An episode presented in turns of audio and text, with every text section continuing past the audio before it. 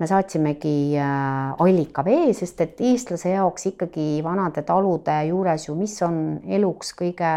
vajalikum ja tähtsam on ikkagi selle kaevu olemasolu, sest ilma kaevuta sa tõenäoliselt seal mingit elu alustada ei saa, kui sul seda seal ei ole. nii et ma arvan, et igale talu pidamisele on ülioluline, et see vesi, mis sealt tuleb, et see oleks nagu Äh, puhas ja värske ja rikkumata. Ja me võtsimegi talukaevudest vett, kahest kaevust ja saatsime ja, ja tulidki tõesti väga ilusad äh, kristallid, et isegi ühest kaevust äh, nad ütlesid, et selline seitsmeharuline kristall, et need on niisugused nii-öelda nende tõlgendustes nagu, kui on niisugune eriti kristallpuhas vesi, et siis ta isegi nagu hakkab neid ähm, juurde looma, neid, et muidu ta on niisugune kuuene struktuur, aga siis tal hakkavad nagu kasvama siis niisugused kristalli, kuidas öelda, jupikesed veel sinna juurde, et et see oli nagu huvitav ja siis me võtsime ka ühe veeproovi Pühajärvest. et, äh, et sellest tuli ka tegelikult äh, väga tore selline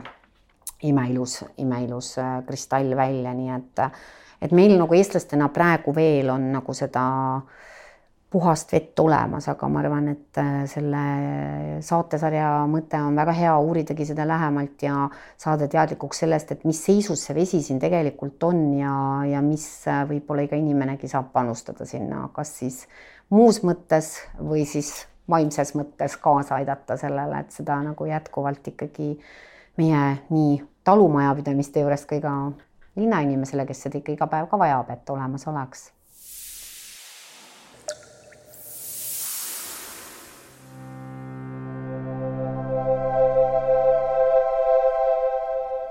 alustab uus saatesari nimega Veesõnumid. täna on meil külas Mailis Napa ja saate põhiteema on doktor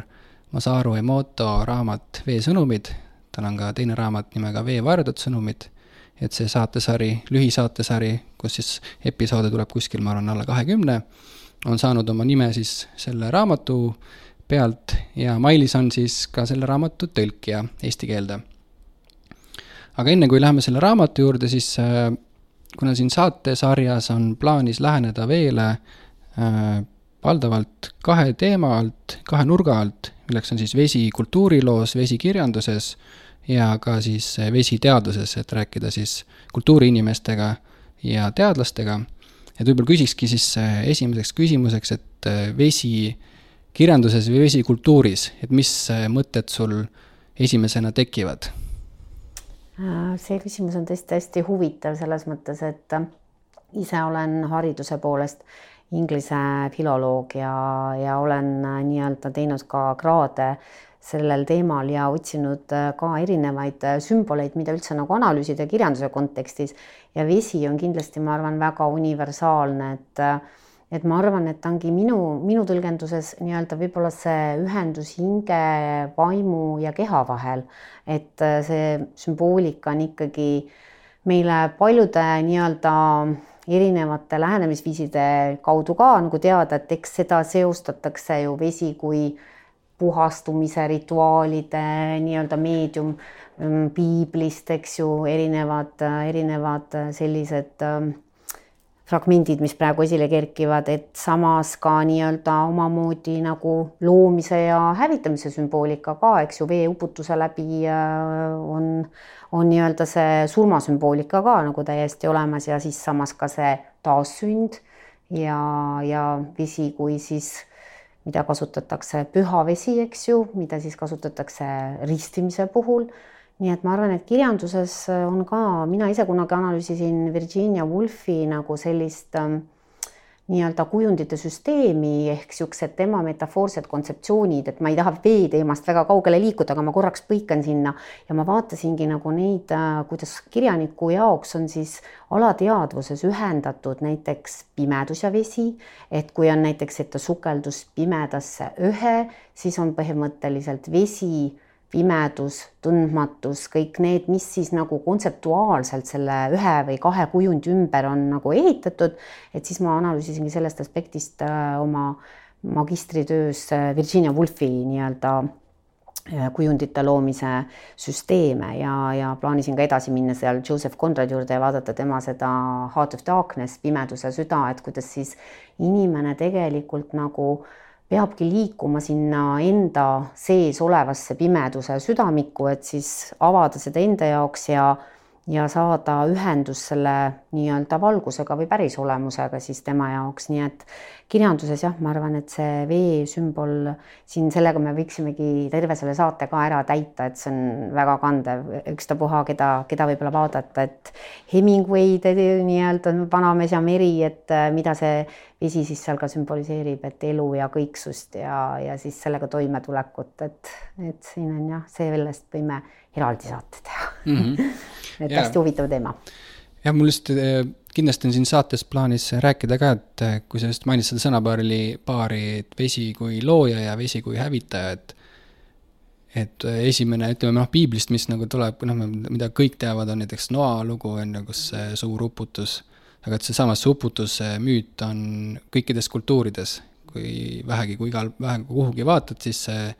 suur vesi, mis tuleb ja kõik ära pühib ja siis uueks teeb, et eh, kõikidel loodusrahvastel, et see on kindlasti üks teema, millest eh, Hasso Krulliga on plaanis rääkida, et mm -hmm. ja samas, kui vesi see looja aspekt ka, et et vesi on ju kõik, kõik kõiges, et kõik joovad vett ja kõik, mis elab, et seal sees see vesi on, et kõik seda vett vajavad. täpselt nii, et ilma veeta pole elu nii-öelda, et et see on tõesti, tõesti meile kõigile väga hädavajalik element mm. -hmm. et selles mõttes see on selge aga võib-olla korraga seda natuke seda pimeda vee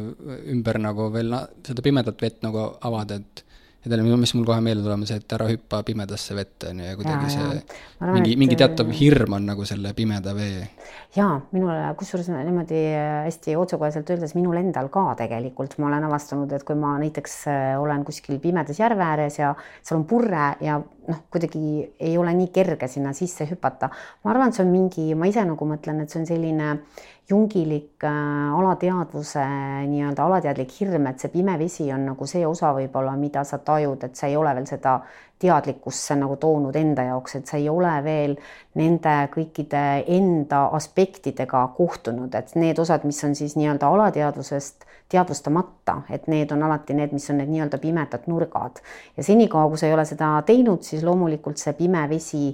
nii-öelda sinus eneses võib äkki resoneeruda, kui sa nii-öelda kohtud mõne olukorraga ja sul võib tekkida sellest resonants, ehk siis sa hakkad sellele reageerima, siis järelikult seal on midagi, mida sul on vaja siis oma alateadvusest teadvusesse tuua, sest et et see, ma arvan, on ka väga paljude kirjanike, ütleme selline loomingulise protsessi poolt selline kuidas öelda, huvitav vaadata, et kuidas, kui kirjanik ju ka kirjutab, et siis tema enda alateadvuses on ka nende kujundite resonants, et mingid kujundid hakkavad millegipärast resoneeruma teatud sõnade, väljendite, olukordadega ja siis äh, toovadki siis nii-öelda seda teadvusesse, et mida see siis tähendab või, või, või mida see lugeja või siis selle kirjaniku jaoks hiljem tähendama hakkab, et et see vesi on minu arvates see eluandev nii-öelda aspekt äh, just nii keha, hinge kui ka vaimu tasandilt, et siit just seda hingetasandi nii-öelda kõlapinda nagu tulebki, kui sa loed selle nii-öelda konkreetse autori raamatut, siis millegipärast sul tekib mingite teemadega nii-öelda ka niisugune kõlapind ja nagu heliharkidelgi, et kui need kokku lüüakse, siis kui on seesama lainepikkus, siis nagu tekib see kõla. kui ei ole, see ei teki, et ma arvan, et vesi ongi ka see meedium nii-öelda inimese kehas, mis seda siis edasi kannab inimese jaoks jaa, ja võib-olla ka korraks see püha veel peatud, et, et võib-olla esimesed mõtted, mis mul tulevad püha veega, on näiteks ristimine veega mm,, võib-olla siis viimasel ajal populaarsetest eh, telesarjadest, ma mõtlen Game of Thronesi peale, siis seal olid ühed äh,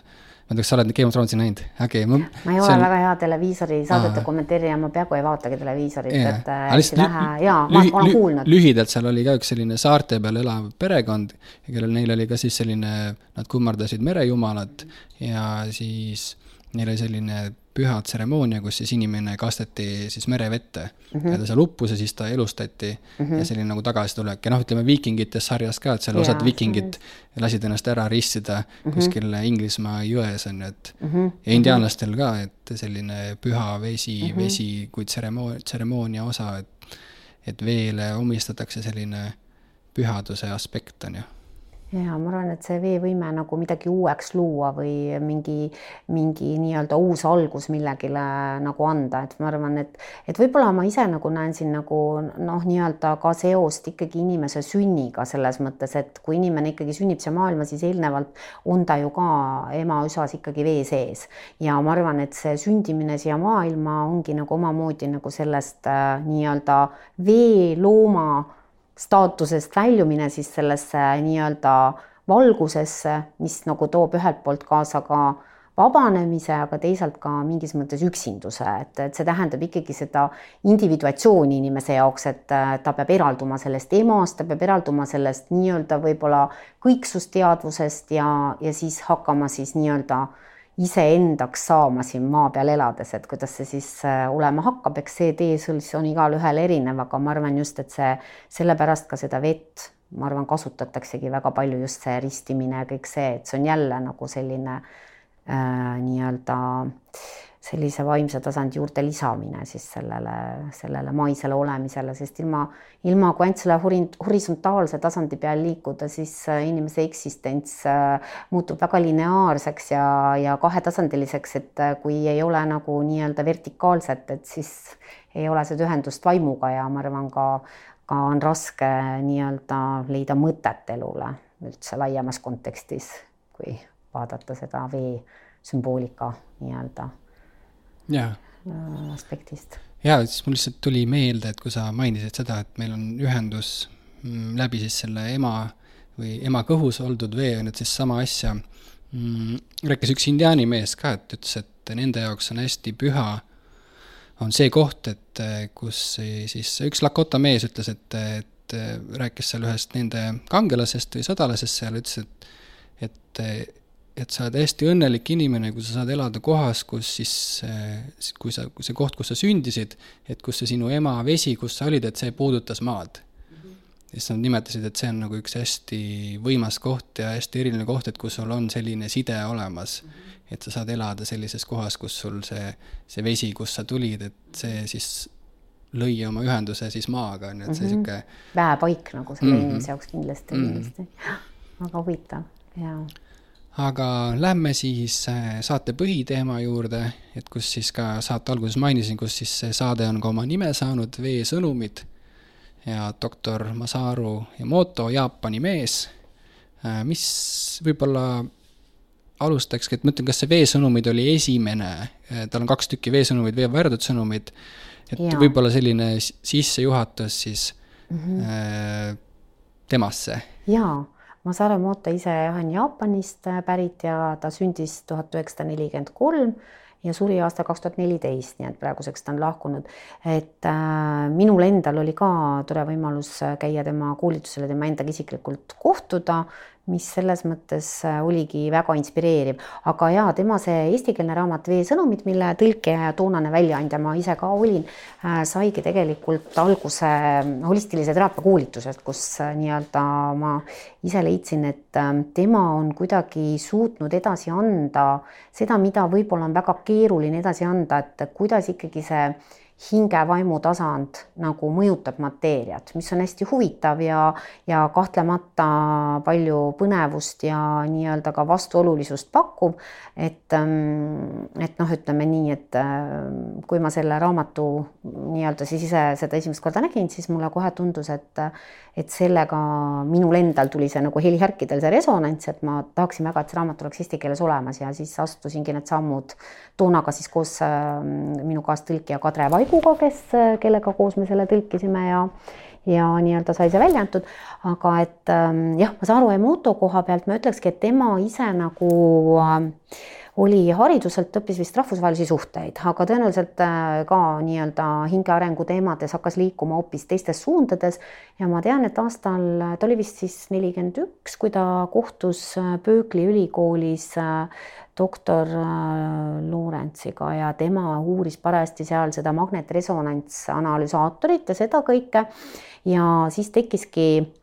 Masare Motol seal nagu mõte, et kas selle, seda saaks kuidagi ära kasutada, et uuridagi seda, see mikroklaster äh, vee nii-öelda teooria ja vaadata siis kuidagi seda vett nagu, et ühesõnaga, et vaataja silmale on ju tegelikult vesi kõik ühesugune, noh kui me vaatame, me ei oska midagi erinevat selle kohta öelda, ta tundub, kui ta ei ole reostatud just, et me nüüd vaatame, et ta on rikutud, me näeme jah, et mingid tükid on sees, aga kui ta on puhas, siis me nagu näemegi, et jah, see on see vesi, aga et teda huvitas ka, et kuidas kajastub nagu vees, vee olemuses või see veemälu küsimus nüüd, et millega see vesi on eelnevalt kokku puutunud, et kas see ka on kuidagi olemuslikult nagu näha selles äh, vee struktuuris või muutustes, et me ju valem hakkaks soome ja kõik juba kooliaegadest teame, mis see on, on ju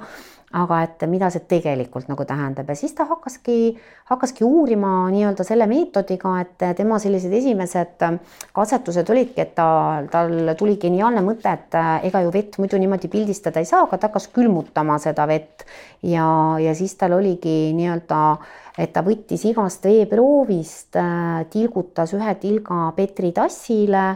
Ja tal oli sada Petri tassi igast veeproovist ja siis miinus viie kraadise temperatuurise nii-öelda sellises külmas ruumis siis toimus nende tilgakeste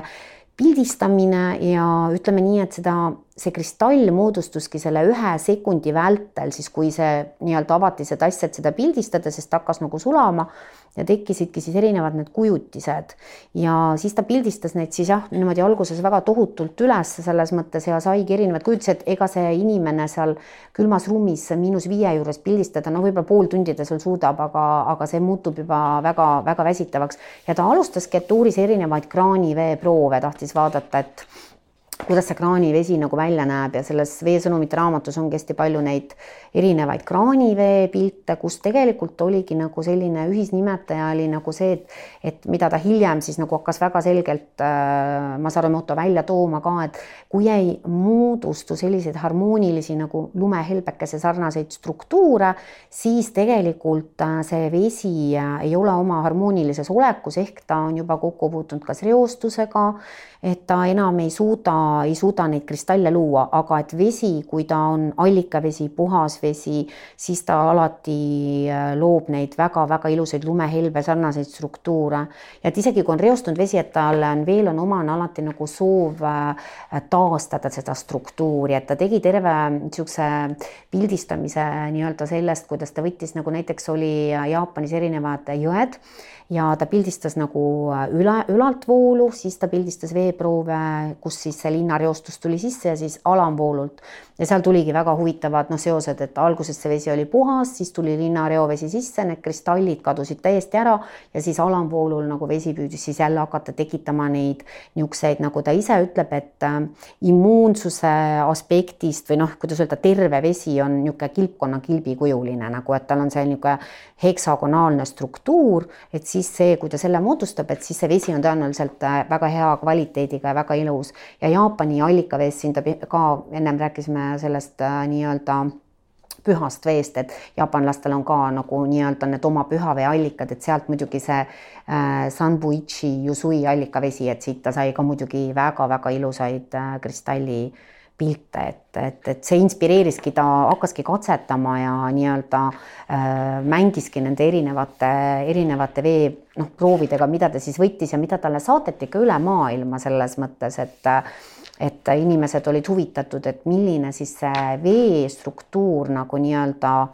on, et äh, siin jah, kuna ma siis samal ajal sirvin seda raamatut siin sinuga koos, siis siin ongi näha, et siin on jah, see ülemjooks, siis kesk, keskjooks on täitsa ära kadunud struktuur ja siin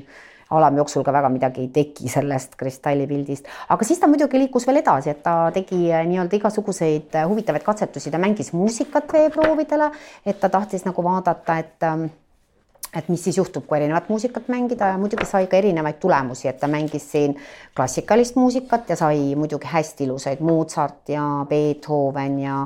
mis siin kõik olid, aga ta proovis ka siin muidugi Chopini hüvasti, et oli selline nagu väiksed kurvad kristallikesed nagu kristallivihm, võiks öelda. aga siis ta proovis ka hevimuusikat, sellest muidugi ei tulnud midagi väga head, et see vist inimese veest veele inimese organismis, et kui me mõtleme, et kui inimene sünnib, on seda ju ligi üheksakümmend protsenti nii-öelda, ma mõtlen nagu raku tasandil vist, aga et hiljem siis seitsekümmend protsenti, et siis sellel on jah, ma kujutan ette selline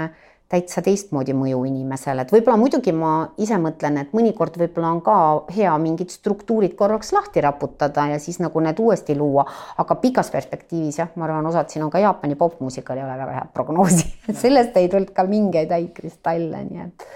et siis ta jah, jätkaski kõiki neid. Ja muidugi nüüd siis liikus ka seda, mida me juba rääkisime selle loomise teema juures, et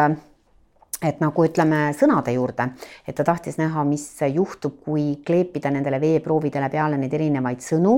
Ja, ja siis panigi nii-öelda siin aitäh! ja oled ilus! Ja siis ta pani väga armastus ja tänutunne, siis tulid väga ilusad kristallid. aga kui ta pani sellised, et ma tapan su ära, noh siis tekkiski selline nagu peaaegu et võiks öelda mõrvapaiga kujutis sinna veekristalli asemel nii-öelda ja, ja samamoodi vana loll ei tulnud ka head tulemust. aga kui öelda, et ta nagu ise nagu hiljem ka noh, liikudes edasi nende asjadega ütles, et oleneb ka väga palju toonist, et kuidas midagi on öeldud, et kui ütelda nagu nii-öelda oh sa vana loll, et noh, nagu armastavalt, et siis see armastuse energia siiski nagu suudab ikka luua, et see vana loll ei ole see nii suure rõhuasetusega. aga ta tegi ka täitsa nii, et need, kes neid kleepisid, need inimesed isegi ei, et ütleme, et mitte nende energia nüüd siis ei sekkuks sinna, et nemad ise mõjutasid seda, et nad isegi ei, ei teadnud, mida nad sinna kleepisid otseselt, et ta, ta siin jah, nagu nii-öelda oli hästi huvitatud sellest, et kuidas seda inimese nii-öelda energia välja mõju siis nagu vee peal nagu vaadata ja kas seda üldse saab vaadata et, et aga noh, tema selles kontekstis ta tõesti sai väga huvitavaid tulemusi, et armastus ja tänutunne ja ta ütles, et eriti tänutunne, et kui võtta see valem, veevalem H2O, et vesinik ja hapnik, siis nii-öelda kui see tõlkida nagu nendesse terminitesse, siis see võiks olla nii, et üks osa armastust ja kaks osa tänutunnet, et et see tänutunne on tohutult võimas jõud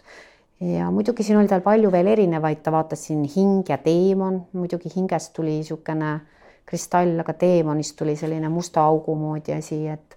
et siin oli tal jah, palju erinevaid neid eksperimente nende sõnadega. no kole ja räpane ja ilus tuli muidugi ilus ja kole tuli mitte nii nii-öelda kristallilik, vaid pigem nagu kole. ja, ja siis ta siin nii-öelda liikus, liikus sellest äh, veel edasi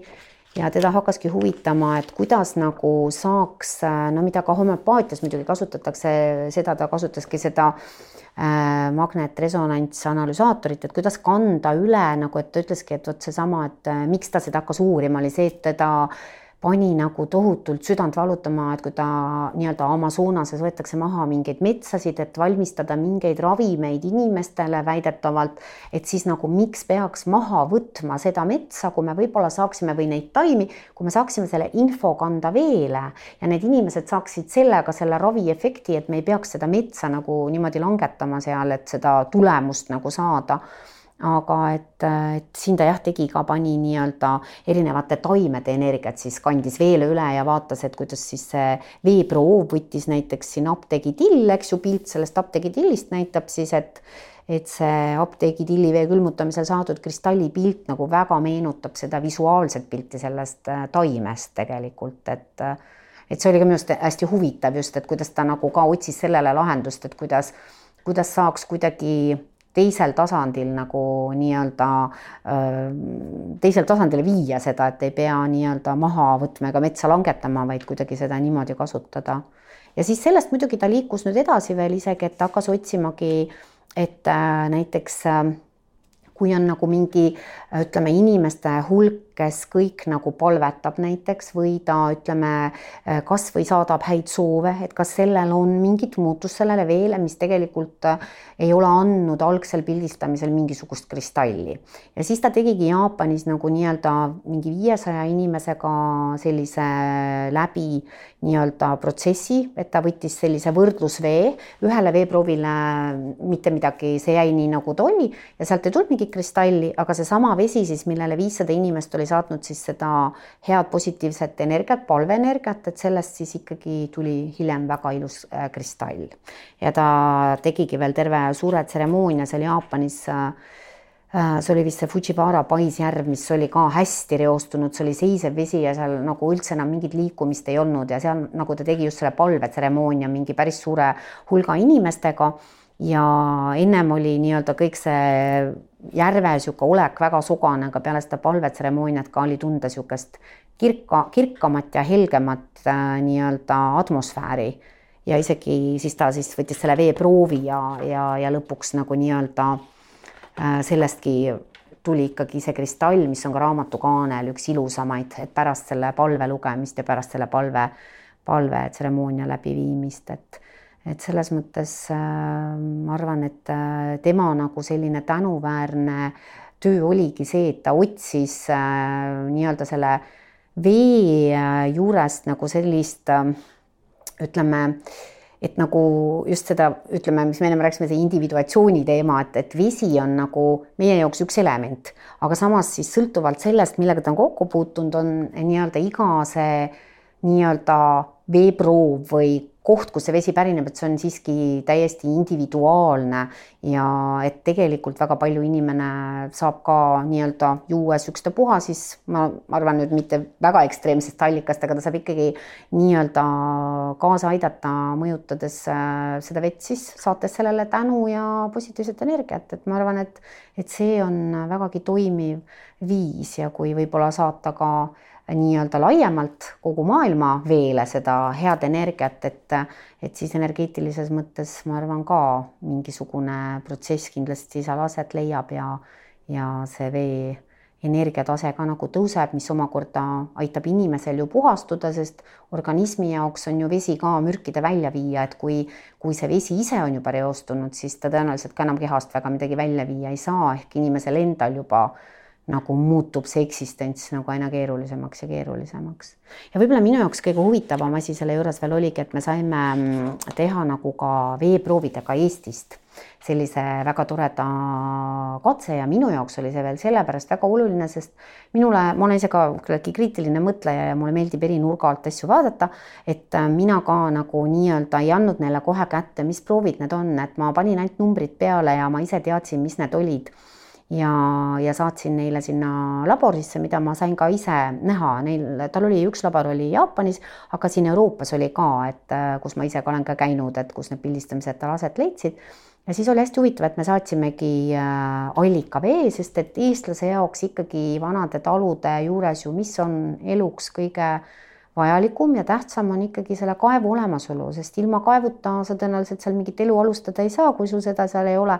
nii et ma arvan, et igale talu pidamisele on ülioluline, et see vesi, mis sealt tuleb, et see oleks nagu Äh, puhas ja värske ja rikkumata. Ja me võtsimegi talukaevudest vett, kahest kaevust ja saatsime ja, ja tulidki tõesti väga ilusad äh, kristallid, et isegi ühest kaevust äh, nad ütlesid, et selline seitsmeharuline kristall, et need on niisugused nii-öelda nende tõlgendustes nagu, kui on niisugune eriti kristallpuhas vesi, et siis ta isegi nagu hakkab neid ähm, juurde looma, neid, et muidu ta on niisugune kuuene struktuur, aga siis tal hakkavad nagu kasvama siis niisugused kristalli, kuidas öelda, jupikesed veel sinna juurde, et et see oli nagu huvitav ja siis me võtsime ka ühe veeproovi Pühajärvest. et, äh, et sellest tuli ka tegelikult äh, väga tore selline imeilus, imeilus äh, kristall välja, nii et, et meil nagu eestlastena praegu veel on nagu seda äh, puhast vett olemas, aga ma arvan, et äh, selle saatesarja mõte on väga hea uuridagi seda lähemalt ja saada teadlikuks sellest, et mis seisus see vesi siin tegelikult on ja, ja mis äh, võib-olla iga inimenegi saab panustada sinna, kas siis muus mõttes või siis vaimses mõttes kaasa aidata sellele, et seda nagu jätkuvalt ikkagi meie nii talumajapidamiste juures kui ka linnainimesele, kes seda ikka iga päev ka vajab, et olemas oleks. jaa et see oli nüüd see minu lühike kokkuvõte, ma saan aru just et. põrgatan äh, ja. siis tagasi, et kuidas ma äh, aru sain, et äh, võib-olla küsidagi alguses, alguses seda, et, et põhimõtteliselt, kuidas see katse välja nägi, siis ta võttis erinevatest kohtadest vett. veeproovi. veeproovi ja. ja siis viis selle miinus viie kraadi juurde. ja ta võttiski nüüd selle veeproovi, siis igast veeproovist äh, ta võttiski need petritassid mm. äh,. ütleme nii, et kes on nagu teinud nagu ka noh, teaduse poole pealt väga palju tema tööle nagu kriitikat, on öelnud, et see on nagu pseudoteadus ja see ei ole mingisugune teadus, siis iga inimene, kes nagu teadusega on kokku puutunud, äh, võib kinnitada, et tema meetod on täiesti teaduslik, sest et meetodid, kus sa võtadki ühest asjast äh, sada proovi, siis tegelikkuses see ei ole nagu pilt ühest proovist. et, et selles mõttes siis ta võttiski need peetritassikesed ja siin on näha, kuidas ta sellele alusele tilgutab ühe tilga mm -hmm. ja siis kõik need sada tassi viiakse sinna külmkambrisse, kus siis on miinus viis ja lastakse neil kaks tundi vähemalt külmuda, et ta siis külmub ära ja siis võetaksegi siis ükshaaval ja nii-öelda hakatakse pildistama ja eks siis see protsess, kui võetakse see peetritassist siis nii-öelda lahti sinna mikroskoobi alla, siis sinna veetilga tippu hakkab nagu kasvama see kristall mm, -hmm. sest ta puutub noh, selle nii-öelda see, kuna see kaan võetakse ära, ta nagu hakkab soojema äh, õhuga kokku puutudes, siis moodustama seda ja me saime ise ka seal vaadata, meile ka näidati, kuidas see nagu toimub ja siis kohe hakatakse pildistama seda. ja siis ütleme nii, et kuna küsimus, mida ka mina küsisin, et kuna Neid proove on nagu sada ja nad ise ütlevad, et tegelikult nad nagu kahte identset kristalli ei saa kunagi, seda ei teki. et äh, põhimõtteliselt, äh, mida nad nagu siis, kui kõik need sada on siis üles pildistatud, et siis huvitav oligi vaadata, nad näitasid meile seal, ma ei mäleta, kas võib-olla mingi viie-kuue prooviga või et noh, saime vaadata, et siis tekkis selline nagu konkreetne see struktuur, et see proov võis küll natuke erineda, aga see struktuur jäi samaks. ja siis nad näitasid ka huvi pärast mingi võtsid, et öö, mingi mingid, mis neil olid seal, kus ei tulnud midagi. Ja siis nad ütlesidki jah, et see on mingi, ma ei mäleta enam siis, mis see näidis meil oli, et, jaa, sellest veest ei tulegi, et me võime kõik need sada üles pildistada, aga me ei, ei saa siit ühtegi moodustunud kristalli nagu, et, et selline nagu oligi see tema meetod nii-öelda, et et oma silmaga sain ka näha ja oli tõesti väga huvitav ja oli väga külm seal olla, et tõesti kaua ei jaksa olla, et seal viie kraadi juures neid äh, pildistada. tal oli ka vist kirjutatud lähemalt sellest, äh, mis fotoaparaadiga ta pildistas, see oli ka mingi eraldi tehnoloogia, aga selle koha pealt ma ise ei ole nii kompetentne, ma ei oskagi seda kommenteerida, aga et selle külmkambri jaoks spetsiaalselt loodud siis sellise väga suure mikroskoo-, äh, mikroskoobi nii-öelda kakssada kuni viissada korda, siis oli see suurendus okay.. praegu on osu abimaterjal mm -hmm. jah, et küllaltki suure suurendusega ikka. ja see korrapärane kristall, mis siis tekkis, et äh, näiteks, kes kuulab seda saadet ainult helis, et äh, Youtube'is tahame ka panna need pildid sinna juurde, et ta on selline kuusnurkne mandala moodi mm. -hmm. sihuke nagu harmoniseeriv, harmoniseeritud kujund. jaa, täpselt nii. ja huvitav, et kuidas siis, et et äh, allikavesi või puhas vesi või vesi, millele on siis tänu või, või muusikat või, või palvet loetud, et siis tema äh, on isegi võimeline siis oma struktuuri nagu muutma. et siit tekib nagu küsimus, et, et kas veel on teadvus? ja see, ma arvan, ongi, et äh, ma arvan, et, et võib-olla teadusaspektist muidugi äh, ma ei ole ise selle nurga alt vaataja, aga olen kasvanud selles peres, kus on äh, hästi tugevalt esindatud just see pool, et äh, kuidas teaduse poolt asju vaadatakse, siis ma arvan ikkagi, et äh, et ma arvan, et see aeg nagu hakkab ümber saama võib-olla ka teaduse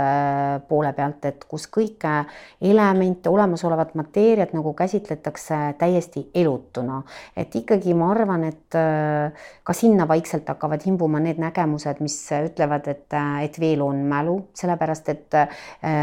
Prantsuse immunoloog minu meelest äh, nii-öelda teaduse poole peale korraks niimoodi natukene põigates, ma mäletan väga ilmekalt seda Benvenisti katset mesilasmürgi mürgiga, kus ta tegelikult jälgis seda, kuidas see mesilasmürk oli lahustatud nagu vette. alguses oli see lahus kangem ja siis kord-korralt seda lahjendati seni, kuni seal ei olnud enam seda mesilasmürki kui sellist, aga siis seda viidi kokkupuutesse vist inimese verega ja seal vaadati neid reaktsioone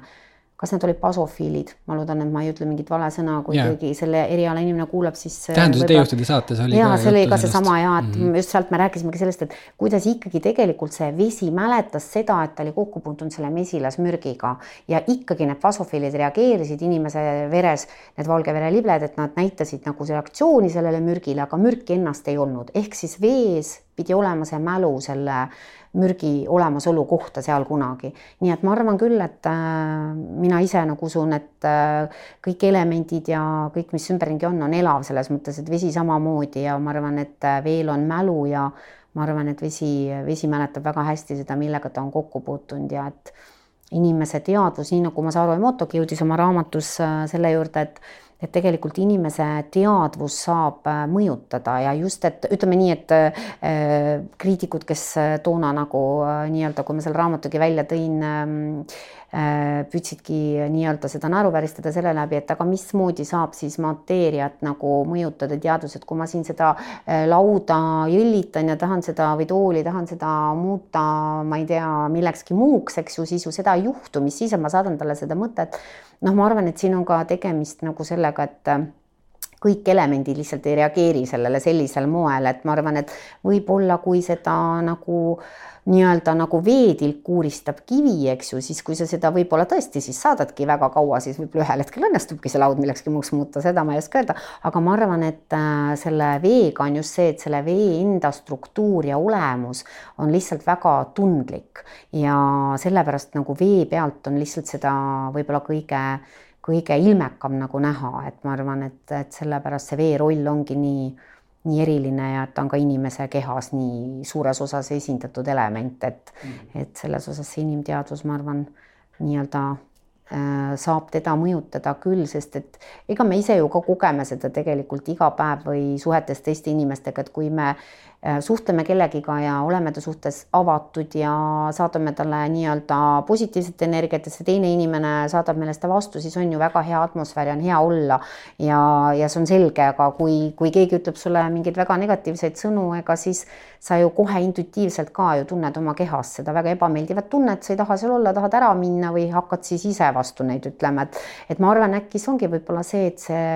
resonants tekibki selles vees, mis inimese kehas on, et ta tajub seda niimoodi selles mõttes, et see vesi võibki olla äh, sellest on, ma arvan jah, et äh, ma tean, et sul tulevad siin saates ka teaduse poole pealt inimesed, kes hakkavad seda analüüsima ja vaatama, et ma arvan, eks nemad hakkavadki rääkima sellest, et see vesi ja inimese rakus vist on ka tegelikult natuke nagu sellises keeljas olekus ja et, äh, et tegelikult. Äh, V neljas faas. just mm, -hmm. just, just V neljas faas jah, see, kus ta räägibki Sest sellest. järgmises saates. väga tore, siis ja. ongi hea sellest rääkida, et sealt juba laiendada seda, et kuidas ta siis võtab vastu seda infot inimese organismis tegelikult ja annab antennina edasi teistele rakkudele ja, ja kõik see, mida ma arvan, et palja silmaga ei näegi, et pigem tunneb nii-öelda inimene. ja kui sa rääkisid sellest, et, et kas inimene on võimeline oma teadvusega mateeriat muutma, et siis mul lihtsalt torkas pähe üks Tähenduse teejuhtide saade, ma arvan, et seal olid Assa Krull ja nüüd hiljuti meie seast lahkunud Jaak Johanson. ja mäleta, kumb see oli, üks nendest rääkis seda, et, et Eestis just vanasti eh, räägiti kõigega. et mm -hmm. oli see tööriist või oli see, eh, kui mindi näiteks kuhugi hiiepaika, et siis käidi puude, kivide, allikate juures siis ennast arstimas et mindi ja otseselt vesteldi, paluti abi siis kas sellelt äh, mateerialt siis on mm -hmm. ju, mhm. et selline et teadusega ei ole seda võimalik ära mm -hmm. tõestada, aga see oli see, kuidas vanasti siis ka vaadati maailma ja kuidas loodusrahvad vaatavad maailma, et kõik on elus, kõigega on võimalik äh, suhelda, rääkida, abi paluda mm. -hmm. ja nagu ka siit äh, doktor Remoto raamatust, et mäletan sellest Tähenduse teostuse saatest, et mis mul nagu eriti pähe jäi, oli see, et seesama katse, kus äh, nad võtsid selle jõe ülemjooksult mm, -hmm. kust oli veel puhas, on ju, ja alamjooksult mm, -hmm. kus oli siis mingi tehas või midagi sealt läbi käinud ja siis ja võrdlesid neid pilte ja siis, ja kui võeti siis see must vesi või see reostanud mm -hmm. vesi ja ma mäletan, kas see oligi, et kas seal võeti siis mingid budist, zen-budisti mm -hmm. mungad või keegi ja siis nad palvetasid seal mitu-mitu tundi selle mm -hmm. vee üle mm. -hmm. ja, ja siis sellest reostunust veest, kui sellel oli mitu-mitu tundi palveid sa teele mm -hmm. saadetud ja siis tehti uuesti pilt, et siis see vesi oli muutunud enda struktuuri. jah, nagu, nagu taasloonud ennast wow. uuesti ma arvan jah, et seda ongi nagu, ma ise nagu mõtlen, et ähm, eks inimesel ongi ju kõike püüd nagu analüüsida ja mõtestada ja, ja võib-olla nagu tõlgendada, aga ma arvan, et äh, see sein, mis paljuski ette tuleb, kui neid ähm, kuidas öelda, 3D maailma asju nagu äh, nii-öelda vaadata, siis äh, ma arvan, et ongi põhiline probleem selles, et äh, nii-öelda neid äh, selle tasandi asju on raske nende 3D asjadega nagu analüüsida, et see, see lihtsalt ei töötagi, on lihtsalt minu enda nägemus sellest, et ma arvan, et äh, neid energiatasandi asju saab täitsa teistmoodi vaadata ja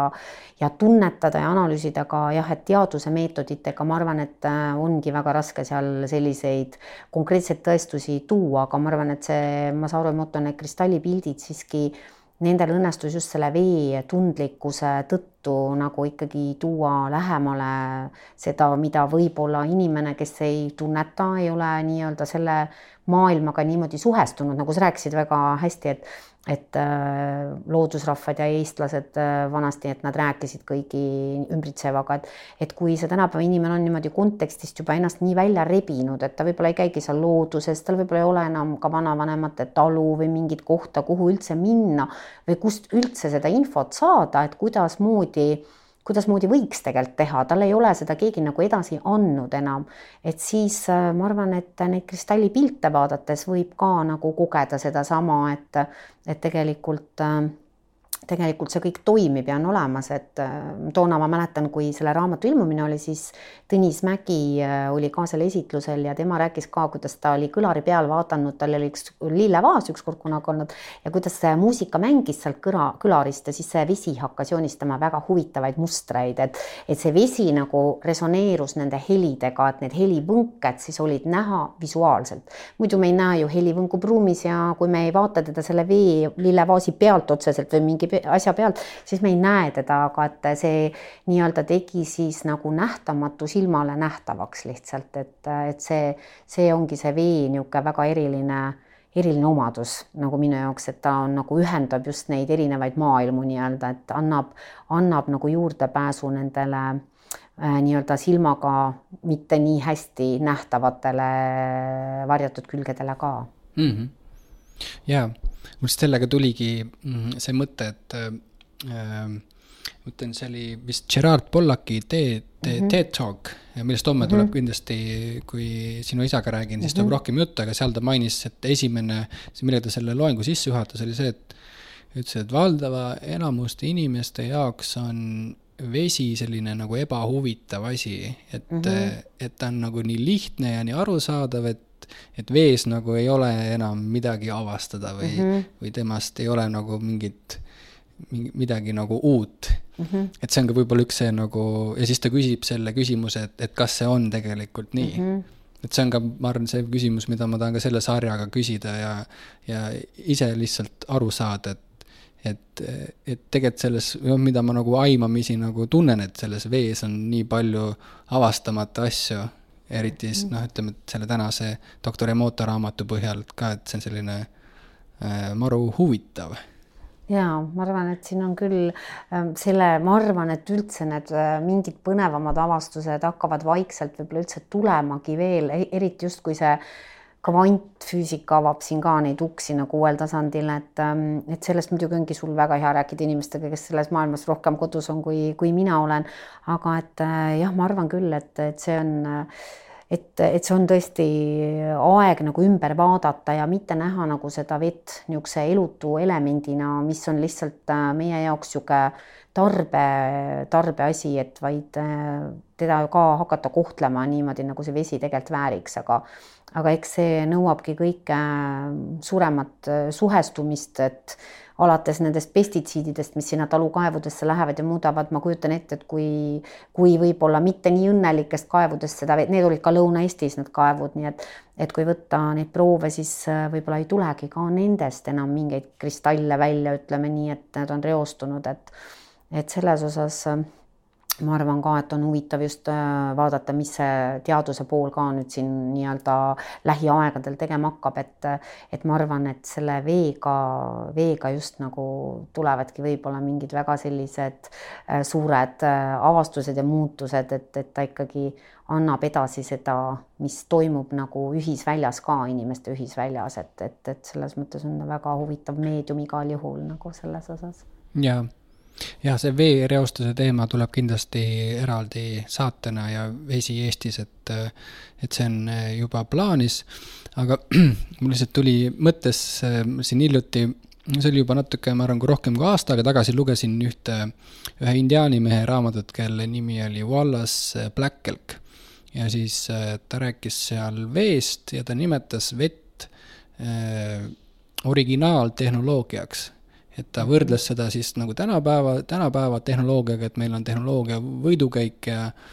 ja, ja hästi palju mm,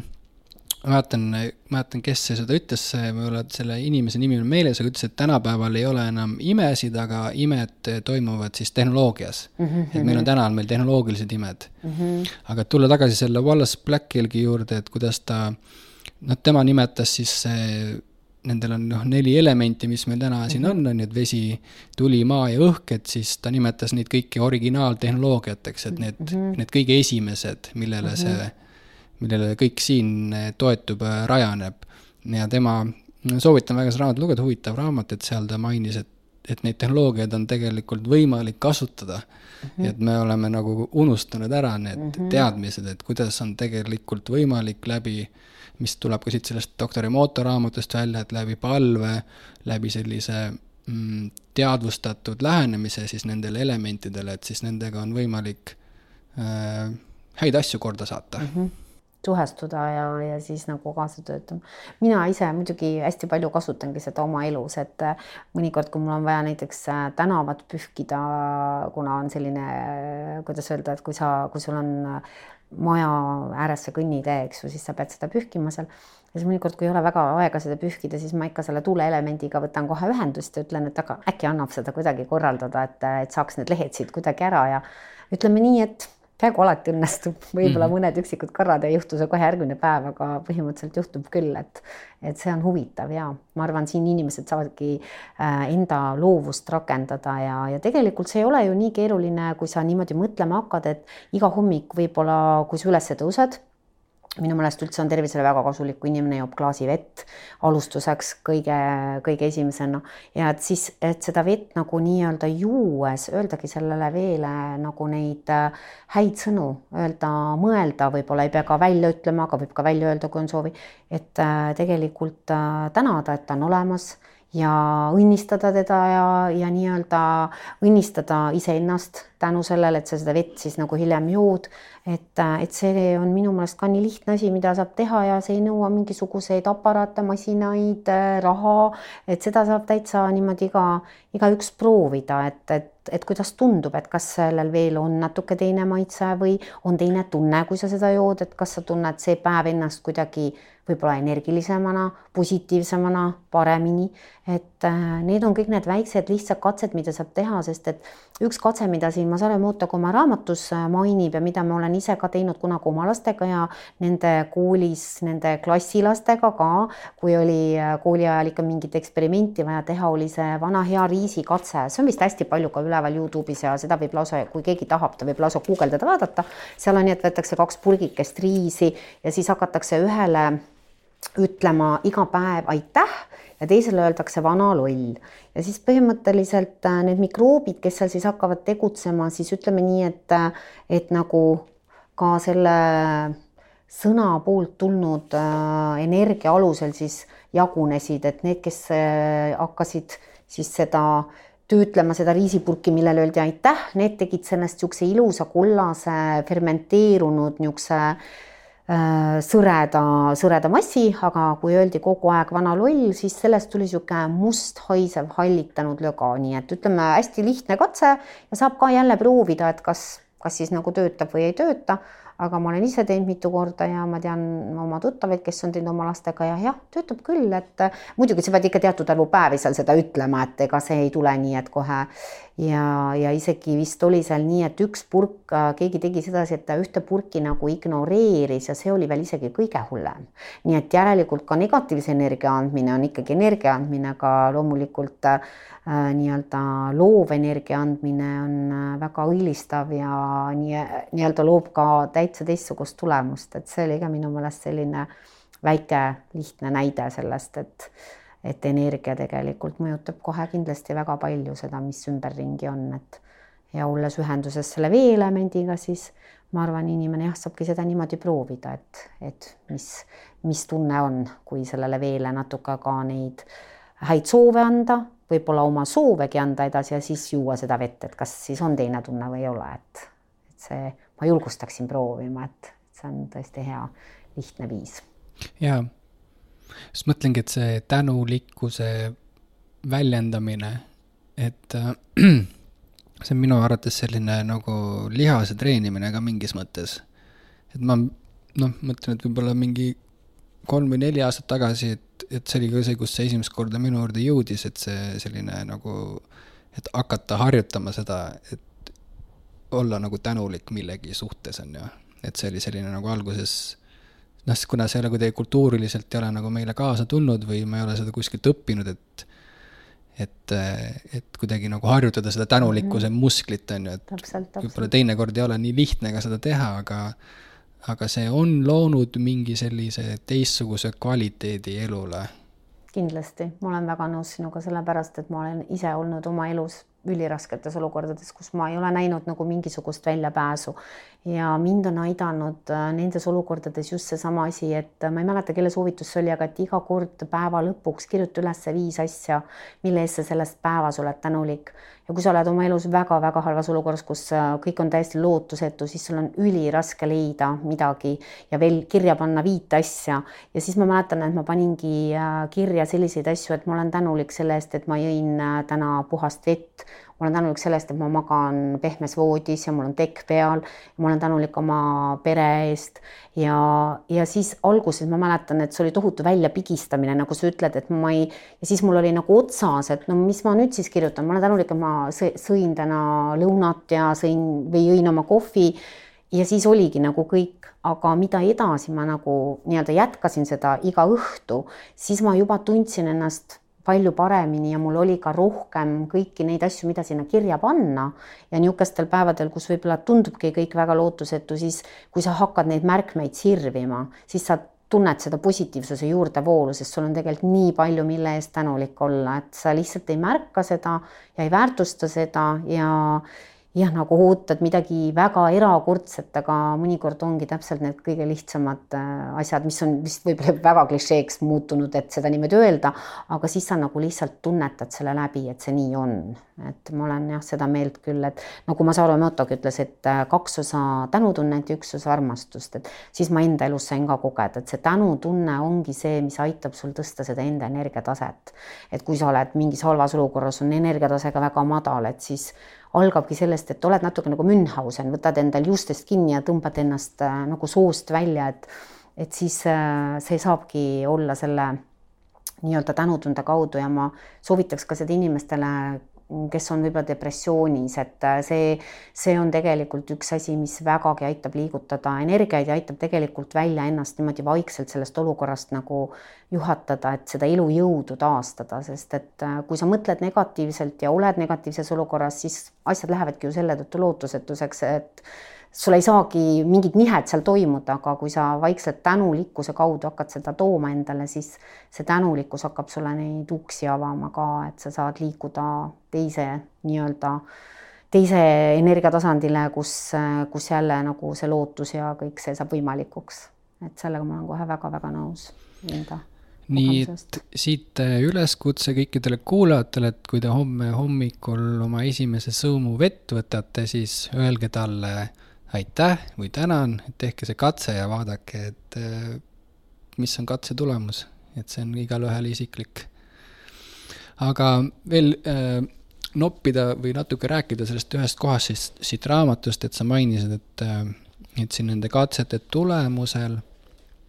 paistis äh, selguvat või, või toimuvat, et veel on siis nagu soov liikuda sellise harmoniseerumise poole või selle äh, puhtuse või sellise korrapärasuse poole. ja selle, sellest oligi näha, vot needsamad need, mis ta tegi, need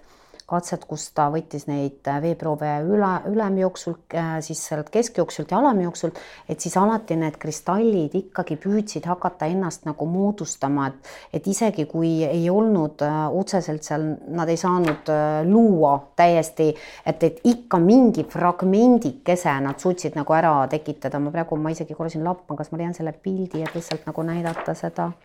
aga ma kohe vist ei leia, aga jaa, et see oli huvitav, et sellele looduse poolt sellele nii-öelda, ma arvan, elementidele ongi äh, nii-öelda antud selline sisemine võib-olla kodeering või kuidas selle kohta võiks öelda, et äh, liikuda harmoonia poole. et see on ikkagi nagu see homeostaas nii-öelda, et see organism nagu tahab äh, ka inimese keha, ma arvan samamoodi, et ta tahab olla terve ja vesi tahab ka olla terve, et tegelikult mõnikord on vaja lihtsalt mingisugust äh, kuidas öelda, tõuget, et kas siis see ongi seesama see inimese hinge-vaimu tasand, selle juurde liitmine ja teadvustamine, mis aitab liikuda sinnapoole et, et selles mõttes veel on jah, omane seesama asi ka, et ta ikkagi tahab luua neid terviklikke struktuure, kui ta vähegi nagu saab, et kui ei tule seda reostust nii palju peale, et et siis ta kohe ikkagi üritab neid kristalle ikkagi formeerida, et siin oli jah, mitmeid-mitmeid nagu pildinäiteid selle kohta, mida oli, oli nagu huvitav vaadata tõesti, et et nii, nii see on, et ma arvan, et see looduse enda säilitav ja puhastav jõud ongi tohutult võimas, aga et loomulikult jah, kui palju kui palju sinna nii-öelda enne veel lahustada annab, kui ta lõpuks enam ei suuda seda teha, et eks see on ka omaette küsimus. kas sul on olnud ka mingeid selliseid hetki elus, kus vesi on kuidagi eriti nagu hea olnud või mingi selline? ja ikka, vesi on küll mõnikord, kui kuskil matkad näiteks hästi palju ja sa ei ole nagu, sa ei ole saanud juua ja sa mõtled, et oi, et äh, kui ma nüüd saaksin ja siis sa lõpuks saad selle klaasitäie vett ära ja see on väga-väga eriline, et on, on olnud niisuguseid hetki küll, kus matkad ja mõtled, et et see on tõesti, tõesti nagu iga see tilk, mida sa jood, seda niisugust jahedat mõnusat vett palaval päeval, et et see on võib-olla, võib-olla kõige ehedam ja ilusam elamus, et ma arvan, ei ühestki tordist, koogist, kohvist, mis iganes asjast, mis kellelegi rõõmu valmistab, ei tule seda rõõmu, mis sa sellel kirkuse hetkel nagu sellest veest võid saada, kindlasti. ja ma arvan, et see on selline asi, mis, mis, mis praktiliselt kõigil vist on olnud selline kogemus, et, et saad see, see veesõõm on ju selline püha moment või selline. ilustav. jah. ja siis mul on endal olnud veel veega väga siukseid huvitavaid kogemusi ka näiteks, et ähm, ma ei ole kunagi väga sihuke jääsupleja olnud, aga elus mõned korrad ma olen küll hüpanud niimoodi täitsa külma vette mauh sisse ja ühe korra ka seal Kuremäe kloostris ja ma ütleksin, et see huvitav äh, tunne, mis sul pärast selle külma vee seest, kui sa nagu hüppad sinna sisse, aga tood sinna ka selle nagu spirituaalse momendi juurde, et äh, minu meelest see Wim Hof on hästi huvitavalt seda inimestele edasi andnud ja mulle endale tema meetodid hästi meeldivad. et, äh, et kui sa hüppad nagu lihtsalt nii, et hüppad plauh sisse ja sa mingisugust vaimset eeltööd ei tee, siis ma arvan, on teine. aga kui sa nagu selle vaimu ka sinna kaasad, et äh, see on hästi kirgastav ja energiseeriv, et, et see on ka minu meelest üks sihuke huvitav kokkupuude veega, kus ma olen tundnud seda, et kuidas vesi nagu see külma vee nagu šokk mingis mõttes, et ta nagu kuidagi lööb sul kõik klaariks, et võib-olla ta puhastabki ära, et nii palju seda ümberringi selles inimese enda energiaväljas ka on võib-olla pinget, stressi, mis iganes sinna kogunenud on ja siis nagu plaks, heleda plaksuga lööb sul kõik nii puhtaks, pea on selge ja keha on nagu suriseb ja see on väga kihvt asi ka, mida ma muidugi äh, ei julge soovitada igale ühele, sest ma arvan, et seal vajab ikkagi äh, nagu eeltööd ja ettevalmistust, aga et, et seda võib mõelda ja lugeda materjale ja vaadata videosid, et kuidas inimesed äh, on harjutanud ja saanud oma ärevustest ja mis iganes asjadest nagu üle, pannes ennast nagu proovile. aga noh, eks see mind over matter nagu inglise keeles öeldakse, et äh, et vaim üle keha võib-olla iga kord ka ennast ei õigusta, et, et sellega peab nagu tunnetama väga täpselt, mis ja kuidas andsid mulle just väga hea mõtte, et äh, polnudki seda endale kirja pannud, et tean just ühte tüdrukut, kes on Eesti esimene see Wim Hofi instruktor mm. -hmm. et see on ju täitsa. ma arvan, kaasa taga oma intervjuusarja ja ma arvan, tal on ka hästi palju lisada huvitavat just sellest aspektist mm, -hmm. et mismoodi see vesi nagu, nagu selles aspektis kaasa töötab just, et kuidas inimene saab jälle ühe väga lihtsa ja, ja kuidas öelda, olemasoleva vahendiga iseennast ka nagu nii-öelda arendada, tervendada, kuidas keegi vaatab, eks ju, et kindlasti. hakkabki tund täis saama, et mul oli sihuke mõte, et küsiks kõigi külaliste käest lõpus eh, küsimuse, et kuna saate pealkiri on Veesõnumid ja et mida vesi tahab meile öelda et kui veel on midagi öelda, et mida ta meile ütleks või sulle või ükskõik mis nurga alt läheneda mm, -hmm. aga hmm,. ma pidin natukene mõtlema, mis see võib-olla oleks. ma arvan, et äh, mida ta ütleks läbi minu oleks näiteks see, et me oleme kõik ühendatud ja mm, saatkem veele üksteisele armastust, tänutunnet ja ma arvan, et me suudame muuta maailma väga palju selle läbi harmoonilisemaks, tervemaks ja paremaks paigaks meile kõigile elada. väga nõus, väga ilus lõpp siia, et aitäh sulle, Mailis, et tulid saatesse, väga huvitav oli äh, mõtlen, need raamatud on vist juba välja müüdud. Äh, seda, ühesõnaga seda suurt veeraamatut enam ei ole, aga seda Vee varjatud sõnumid äh, ma ise väikest viisi niimoodi teen oma kirjastamistegevust, et inspiration books võib kokku panna ka Vee varjatud sõnumid, et sealt kodulehelt saab veel seda tellida, et mul on seda jäänud veel vanadest aegadest äh, mingid kogused, et, et veel seda, seda saab ka tellida, seal on ka need kristallipildid sees, nii et kui on huvi ja soovi, siis seda saab e-poest tellida ja sealt saab nii-öelda panna teele ja aitäh, Riko, kutsumast, et äh, kunagi aastal kaks tuhat viis, äh, kui ma selle raamatu välja andsin, et äh, vahepeal, vahepeal muud asjad aset leidnud, aga ma arvan, et see sõnum on endiselt see sõnum, mis väärib jagamist ja aitäh, et sa oled selle nüüd võtnud enda missiooniks ja jätkad seda eri nurkadelt ja jõudu sulle selleks. jaa, suur. inspiratsiooni ka hästi palju. väga vaja, et suur aitäh sulle ja, ja tehke siis veekatset ja aitäh sulle, vesi, ma tegin algust, et just, aitäh